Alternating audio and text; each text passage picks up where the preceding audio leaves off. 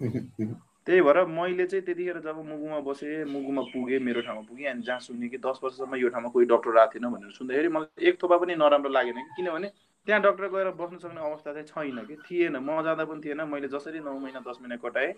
मैले अब धेरै दुःख पाएर कसो कसो गरेर कटाएँ। That was very different experience for me I was totally prepared कि म बस्छु नै भनेर गएको थिएँ र बसेँ। नत्र म अलिकति पनि हेरौँ त्यहाँ गएर के हुन्छ भनेर गएँ। म दुई दिनमा फर्किन्थेँ होला। त्यही भएर त्यति सजिलै ब्लेम गरिहाल्न सक्ने अवस्था पनि छैन कि? त किन गइनस् भनेर।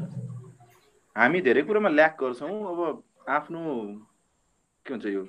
दृढ विचार नभएर पनि हामीले ल्याक गरे होला डक्टरहरूको अथवा त्यहाँ बेयर मिनिमम फेसिलिटिजहरू नभएर पनि ल्याक गरे होला।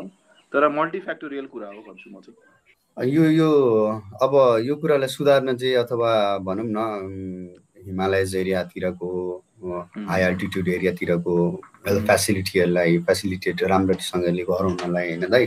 के के चाहिँ गर्न के चाहिँ गर्नुपर्छ जस्तो लाग्छ त तपाईँलाई?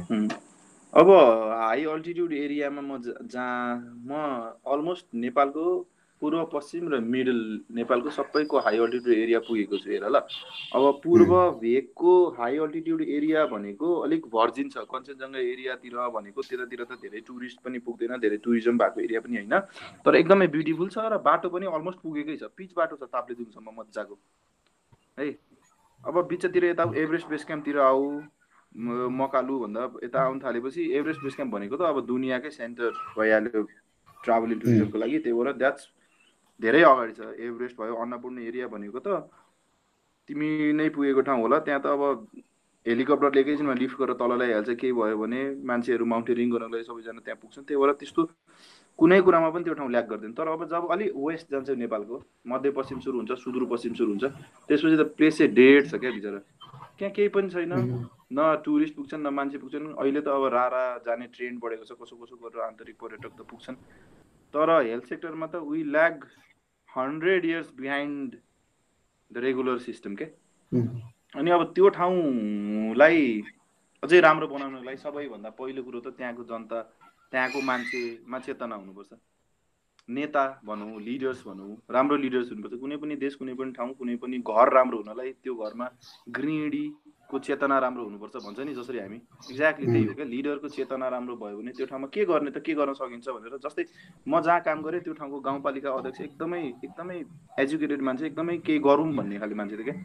अनि मेरो पिएचसीमा जहाँ दस वर्षसम्म डक्टर पनि पुगेको थिएन म गएपछि मैले एक्सरे लिएर आएँ क्या। किनभने मलाई गाउँपालिकाको पुरा ब्याकिङ थियो। पुरा ब्याकअप थियो। जानुहोस् डाक्टर तपाईँ गर्नुहोस् हामी छौँ नि पछाडि भन्ने मान्छे थियो क्या उनीहरू। त्यस्तो मान्छे भयो भने अनि त्यस्तो ठाउँमा सही मान्छे पुग्यो भने बल्ल चेन्ज आउँछ क्या। चेन्ज भनेको रातारात हुने कुरो होइन नि त। धेरै फ्याक्टर छ धेरै धेरै इटा इटा इटा इटा इटा हालेपछि बल्ल पर्खाल बन्ने त हो एउटा इटा एउटा इटा काम त के हुन्छ र? त्यही भएर म त ओभरनाइट चेन्ज हुने त देख्दिनँ होइन। अनि अब हेल्थ सिस्टम र एजुकेसनलाई चाहिँ हामीले हल्का स्ट्रेन्देन गर्दै लगेपछि चाहिँ केही चेन्ज देखिएला भनेर चाहिँ म पोजिटिभ अप्टिमिस्टिक चाहिँ हुन चाहन्छु। सही हो गाह्रो छ नेपालमा हामी त काठमाडौँमा बसेर सजिलो छ यस्तो छ उस्तो छ उस्तो कस्तो ब्रिस्क कमेन्ट्सहरू दिएर हुन्छौँ तर we are so full to say that के अनि ट्राभल ओपन छ के भने घुम्यो होऱ्यो देख्यो मैले धेरै कुरा देखेर आएर अनि बल्ल यो मेन्टालिटी बनाएको छु कि हामी त मूर्खै हौँ कि यति काठमाडौँ बसेर यो भएन त्यो भएन भन्छु। पहिला जाऊ घुम हेर कस्तो छ कुन लेभलबाट कहाँ पुग्नु पर्ने छ हामीलाई त्यो देखेपछि नै थाहा हुन्छ। होइन? अनि स्पेसली हामी जस्तो भनौँ न तिमी जस्तो हामी जस्तो सबै पढेर हल्का अलिकति एउटा चेतना डेभलप गरिसकेको मान्छेले चाहिँ ट्राभल गर्नु घुम्नु देश दर्शन भन्छ नि। देश दर्शन गर्नु एकदमै जरुरी छ कि। राजा महेन्द्र होइन त्यतिखेर देश दर्शनमा निस्किने। महेन्द्रले होइन त रारामा गएर कविता लेखेको।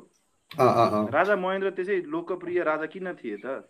देश पुरै घुमेर यार रारा पुग्नु राजा त्यतिखेर रारा पुग्नु भनेको त म आफू पुग्दाखेरि मैले रियलाइज गरेँ कि राजा आयो यहाँ भने। त्यो राजा पनि सन्की राजा हो र मात्रै आइपुग्यो कि? नत्र त किन आउँथ्यो यार राजा पुग्नै त्यस्तो दुःख छ हिँडेरै गयो होला नि। हेलिकप्टर सेलिकप्टर थिएन होला त्यतिखेर। गाडीमै गयो बाटो पनि थिएन होला बाटो पनि थिएन होला। कसरी बोकेरै भयो नि त पुग्यो नि राजा। त्यही भएर सोच्दाखेरि चाहिँ त्यस्तै केही सन्की हुनुपर्छ क्या चेन्ज ल्याउनलाई? अब जाने हेर्ने देख्ने देश दर्शन गएपछि यो मान्छेले यस्तो दुःख पाइरहेको छ भने यसको लागि यो गर्न सकिन्छ भने थाहा हुन्छ नि त। दाइ तपाईँलाई कहाँ जानु मन छ त अब नेक्स्ट नेक्स्ट ट्रिपमा चाहिँ? ओहो नेक्स्ट ट्रिप त मेरो तिन चारवटा प्लान्स थियो तर हेर न यार म अब यो समय र समयको परिस्थितिले। परिस्थितिले टाइपको होइन। पढाइले अहिले इन्डिया चण्डीगढमा ल्याएर थेचारेको छ। अब कहिले फर्किन्छ त्यसपछि छ नि यार देश त हामी यस्तो छ कि तिमीले नेपाल घुमे सकाएँ भनेर भन्ने मान्छे भेट्दैनौ क्या। किनभने त्यो पोसिबलै छैन कि बुझेन म ट्राभल गरेको छु नेपालमा हल्का घुमेको छु भनेर भन्न सक्ला कोहीले तर नेपाल चाहिँ मैले चप्पा चप्पा खाएर सकेछु है भनेर भन्ने मान्छे चाहिँ त्यो कोही माइकालाल जन्मे छैन जस्तो लाग्छ कि मलाई। किनभने त्यो अलिक पोसिबल पनि छैन प्र्याक्टिकली धेरै राम्रो छ नि हाम्रो कन्ट्री एकदम अति राम्रो। त्यही भएर अब आउँ हेरौँ के हुन्छ यार अहिलेसम्म इमिडिएटली प्लान तर यस्तै कुरै कुरोमा एउटा कुरो अर्को पनि के एनेक्डोट मलाई याद आयो भने नि म तिमीलाई सुनाउँछु ल। त्यही जुन अघिको पासमा गएर म अड्किएँ डायरी लेखेँ भन्थेँ नि त्यो पासबाट तल झरेपछि त्यो रातले अब हामी कहाँ बास बस्ने भनेर जाँदाखेरि एउटा गाउँमा पुग्यौँ क्या अनि एउटा घर थियो अनि त्यो घरमा बास बस्ने कुरा भयो। त्यो घरको मान्छे चाहिँ हाई स्कुलको टिचर रहेछ। हाई स्कुलको भन्दा पनि सेकेन्डरी लेभलको टिचर भनौँ न। आठ नौ कक्षामा पढाउने टिचर हुनुहुँदो रहेछ उहाँ होइन? के साई थरको कोही हुनुहुन्थ्यो? मैले नाम त बिर्सेँ। अनि त्यसपछि उहाँसँग राति अगेनामा उहाँ रोटी सोटी पकाउनु भयो खायौँ। अनि गफै गफ हुँदै जाँदाखेरि अनि म पनि डाक्टरी पढ्दैछु। म त्यतिखेर थर्ड इयरको सुरुवातमा थिएँ। अनि भर्खर डाक्टरी पढ्दैछु भनेर भने उहाँहरूलाई। अनि उहाँ एकदम इन्ट्रेस्टेड हुनु उहाँको पनि दुइटा छोरा रहेछ। अनि एउटा छोरोले भर्खर दस कक्षा पास गर्नु रहेछ कि। अनि त्यसपछि आफू नै एट नाइन टेनको टिचर अब हेर है। सेकेन्डरी लेभलको टिचर भनेको त एउटा गुड म्यान पावर हो नि देशको के होइन भन्नु त मान्छे नि चेतना भएको मान्छे। अब उहाँले त्यसपछि मलाई के सोध्नु डाक्टर साहब कसरी तपाईँको परिवार धनी छ हो? त्यत्रो पैसा तिरेर पढायो तपाईँलाई भनेर भन्नु हो क्या। अनि होइन नि मेरो परिवार पनि जस्तै एउटा रेगुलर मध्यमवर्गीय परिवार हो। हामीले पनि पैसा तिरेर त पढ्न सक्दैन थियो होला। मैले कसो कसो गरेर लकी पनि भएँ स्कलरसिप पाएँ छात्रवृत्ति पाएँ भनेर भन्दाखेरि ऊ छात्रवृत्ति भन्ने कुरा पनि हुन्छ डाक्टर साहब। सेकेन्डरी स्कुलको टिचरले मलाई सोध्नु भएको एमबिबिएस पढ्दाखेरि छात्रवृत्ति भन्ने कुरा पनि हुन्छ है भनेर भन्ने क्या सेकेन्डरी लेभलको स्कुल टिचरले अनि त्यो दिन मलाई रियलाइज भयो कि अब हेर न छात्रवृत्तिकै बारेमा त थाहा छैन अरे उहाँहरूलाई। त्यसपछि मैले उहाँलाई चाहिँ क्ल्या क्ल्यारिफाई के गरेँ भने अब छात्रवृत्ति मात्रै होइन कोटा पनि हुन्छ। तपाईँहरूको यो रिजनको अलि होनहार स्टुडेन्टलाई त त्यहाँ कोटा दुर्गमको भनेर कोटा पनि मेरो स्कुल मेरैसँग मसँग ब्याचमा पढ्ने अरू साथीहरू पनि यहाँबाट छन् भनेपछि उहाँ छक्क पर्नुभयो भनेपछि उहाँको छोराको पनि हि अल्सो स्ट्यान्ड छ चान्स भन्ने उहाँलाई त्यो दिनसम्म थाहा थिएन। त्यो दिन उहाँले थाहा पाउनुभयो कि ओके मेरो छोरालाई पनि मैले ठाउँमा पुऱ्याएँ भने त छात्रवृत्ति पाएर पढ्न सक्ने सम्भावना त रहेछ भनेपछि हेर अब हाम्रो इन्फर्मेसन सिस्टम हेर न अब एउटा स्कुलको टिचरलाई त एमबिबिएस स्कलरसिपमा पढ्न पाइन्छ दुर्गमको कोटा हुन्छ भन्ने थाहा छैन भने त्यहाँको एउटा रेगुलर फ्यामिलीको रेगुलर फादरलाई थाहा हुने कुरा भयो त कुनै तरिकाले। चान्सै छैन नि। अनि हामी त्यही भएर म भन्छु कि काठमाडौँमा बसेर उफ्रिने चेन्ज यो त्यो त्यो मुगुमा यो त्यहाँ त्यो अल जाऊ तिमीलाई केही चेन्जै गर्नु मन छ जाऊ। देश दर्शनमा निस्क घुम दस बाह्रवटा ठाउँ हेरेर त्यहाँको मान्छेले कस्तो दुःख पायो भनेर देखेर आऊ। अनि फर्केर आएर टक्क आफ्नो गोठामा चुकुर्ला अनि सोच के गर्न सकिन्छ? तब हल्का केही फुर्ला। नत्र त त्यस्तै हो।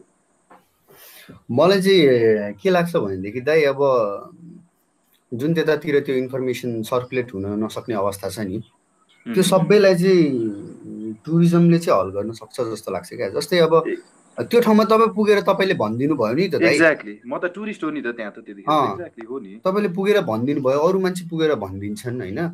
मतलब त्यहाँनिर अब अब यो ग्लोरिफाइड भएको एरियाहरू जुन ग्लोरिफाइड नै त अब एउटा एप्रोप्रिएट वर्ड नहोला। त्यही पनि जुन एउटा यो main stream places main stream प्लेसेसहरू छ नि त यो एभरेस्टहरू अन्नपूर्णहरू होइन। यिनीहरूलाई छोडेर पनि त धेरै धेरै धेरै ठाउँहरू छ नि त यो ठाउँमा यो यो यो ठाउँमा चाहिँ अब के गरी पुगाउने त अब यो यतातिर इस्ट साइडतिर हेर्नुभयो भने यो कञ्चनजङ्घा नै अलिक वर्ष अगाडिसम्म केही पनि थिएन क्या त यहाँनिर जस्ट स्टार्ट हुँदैछ यहाँनिर अब ट्रायलमा होइन होमस्टेहरू बन्न थालिसकेको छ बस्ने ठाउँहरू टी हाउसेसहरू छ होइन। त्यो त्यो चाहिँ यो फार वेस्टतिर केही पनि छैन क्या त एकदम बन्जड बन्जड बन्जड पुरै बन्जड होइन। अब यसलाई चाहिँ अब के गरी चाहिँ प्रमोट गर्न सकिन्छ त? अब बाटो नै त अब दुई महिनामै बनाउने कुरा छ महिनामै एक वर्षमै बनाउने कुरा एकदम राम्रो त्यो त पोसिबल नै भएन होइन। अनि त्यो अब त्यो अहिले इन्स्ट्यान्टली चाहिँ के गरेर चाहिँ त्यो फार वेस्टतिरको मान्छे भनौँ अथवा त्यता जतातिर टुरिज्म अलिकति फस्टाउन सकेको छैन अथवा मान्छेले सुन्नै पाएको छैन देखेकै छैनन् होइन। त्यो एरियामा चाहिँ के के गर्न सकिन्छ होला मलाई चाहिँ के लाग्छ भने त्यस्तो कुरोमा अलिकति अगाडि ल्याउनको लागि चाहिँ मेन स्ट्रिम मिडियाले त खासै ठुलो रोल खेल्न सक्दैन किनभने मेन स्ट्रिम अहिले चाहिँ सबैभन्दा ठुलो रोल खेला छ यो ट्राभल भ्लगर भ्लग भ्लगहरू जुन भन्छ नि युट्युब भनौँ न स्पेसली युट्युब या यो त्योबाट सो अब एबल मान्छेहरू आफूसँग रिसोर्सेस भएको मान्छेले त भर्जिन प्लेसेसहरू एक्सप्लोर गर्न सक्यो नि त होइन? अब मसँग एउटा रेगुलर राम्रो क्यामेरा छ र मजासँग म घुम्न जान सक्छु भने मानौँ। अब त्यो दार्चुलाको कुनै ठाउँ पुगौँ होइन त्यहाँको एउटा राम्रो भिडियो बनाऊ अनि ल्याएर आफ्नो साथीहरूलाई देखाउँ अथवा युट्युबमा अपलोड गरौँ कहीँ गरौँ। त्यसो गऱ्यो भने एटलिस्ट मान्छेले देख्छन् नि त्यो ठाउँ ए यस्तो पनि ठाउँ एक्जिस्ट गर्दो रहेछ हाम्रो वरिपरि कस्तो राम्रो ठाउँ रहेछ भनेर भन्छन् थाहा पाउँछन्। अनि त्यसपछि बल्ल ए जाने हो कि प्लान गर्ने हो कि होइन? पोसिबल त छैन अरे त्यो पनि हिँडेर जाने हो कि गाडी छैन भने भनेर सन्की मान्छेहरू पुग्लान्। त्यहाँ मान्छे पुगेपछि उनीहरूले मान्छे त्यहाँको इन्डिजिनियस पिपलहरूले पनि अनि बिस्तारै बिस्तारै सिक्लान् होइन? मलाई चाहिँ यो त्यो ठाउँ छ यस्तो यस्तो प्लेसेसहरू छ भनेर मान्छेलाई थाहा दिनु जरुरी छ जस्तो लाग्छ कि। थाहै छैन। हामीले काठमाडौँको एउटा रेगुलर मान्छेले मुगुको बारेमा तँलाई के थाहा छ भने मुगुमा बच्चाहरूको मुखभरि झिङ्गा बस्छ। थोरै हुन्छन् मान्छे। भन्छन् होला जस्तो लाग्छ क्या मलाई। किनभने हाम्रो मेन स्ट्रिम मिडियाले पोर्ट्रे गर्ने मुगु त त्यही हो नि त। खान पाउँदैनन्। झिँगा झिँगा झिँगा लागेको बच्चाहरू चिकन चुहीको फोहोर बच्चाहरू देखाउने दुःख देखाउने। त्यही त हो नि मुगु भनेपछि फोहोर झिँगा। मलाई जहिले पनि म मुगु बसेर आएको हुन्छ ओहो है डाक्टर झिँगा कतिवटा खानुभयो भनेर सोध्छन् क्या कहिलेकाहीँ मान्छेले। अनि त्यो मेन स्ट्रिम मिडियाले त्यो देखाएर त्यस्तो सोचेको त होइन अनि त्यही भएर अब प्रमोट गर्नलाई त पोजिटिभ आस्पेक्ट्स पनि देखाउनु पऱ्यो नि त यार। नेगेटिभ कुरा मात्रै देखाएर त मान्छेले नराम्रै सोध्छ नराम्रै बुझ्छ नि। मान्छेलाई त जे देखायो त्यही बुझ्ने हो।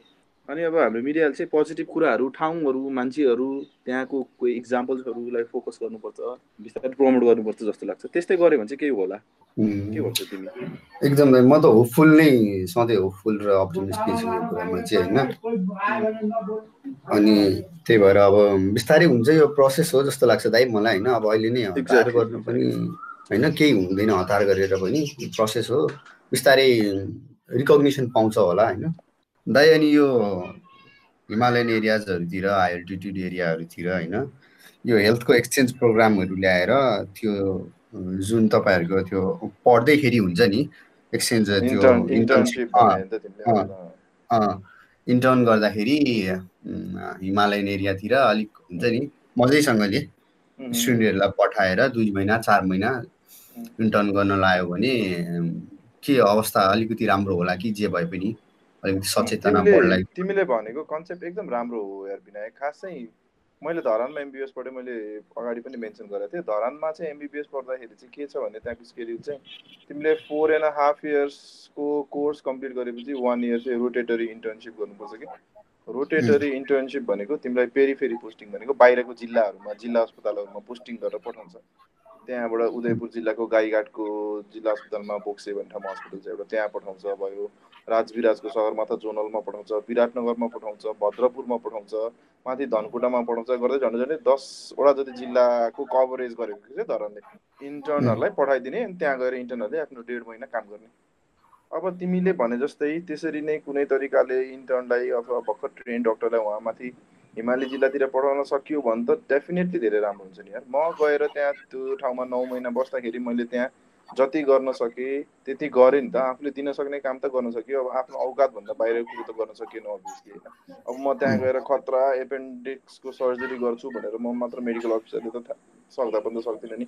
तर रेगुलर इन्सिजन एन्ड ड्रेनेज सानो कसैको पिलो छ भने निचारिदिने सन्चो पारिदिने कसैले एन्टिबायोटिकले घाउ सन्चो पारिदिने गर्न सक्ने काम त म गर्न सक्छु। रेगुलर बेसिक हेल्थ सर्भिसेसहरू दिन सक्छु होइन? डेलिभरी लिन सक्छु। मातृ तथा शिशुको स्वास्थ्यमा ठुलो योगदान दिन सक्छु। अनि त्यो गर्न सक्यो भने त त्योभन्दा राम्रो उपाय त कुनै हुनै सक्दैन। एब्सोल्युटली गुड थिङ्किङ हो। अब त्यहाँ फेसिलिटिज बेयर मिनिमम प्रोभाइड चाहिँ हुनु पऱ्यो क्या डक्टर लिएर गयो डक्टर गएर त्यहाँ बस्यो भनेको चाहिँ सिटामोल मात्रै बाँडेर डक्टर बस्न नपरोस् न। किनभने डक्टरले त सिटामोल बाँड्नुभन्दा अरू धेरै कुरा पनि गर्न सक्छ नि त। होइन? सिटामोल बाँड्ने काम त एउटा रेगुलर वेल ट्रेन्ड हेल्थ असिस्टेन्टले पनि राम्रोसँग गर्न सक्नुहुन्छ त्यहाँ। किनभने उहाँहरू पहिलेदेखि ट्रेन्ड हुनुहुन्छ। दबाईहरू हल्का फुल्का चिन्नु भएको छ। उहाँले सजिलै गर्न पनि सक्नुहुन्छ। डक्टर गएपछि त्यहाँ के गर्न सक्छ उसले? त्यति सुविधा भयो भने त उसले आफूलाई बस्न पनि अलिकति इन्करेज हुन्छ होला अनि काम पनि गर्नलाई उसलाई सहज हुन्छ होला नि त होइन।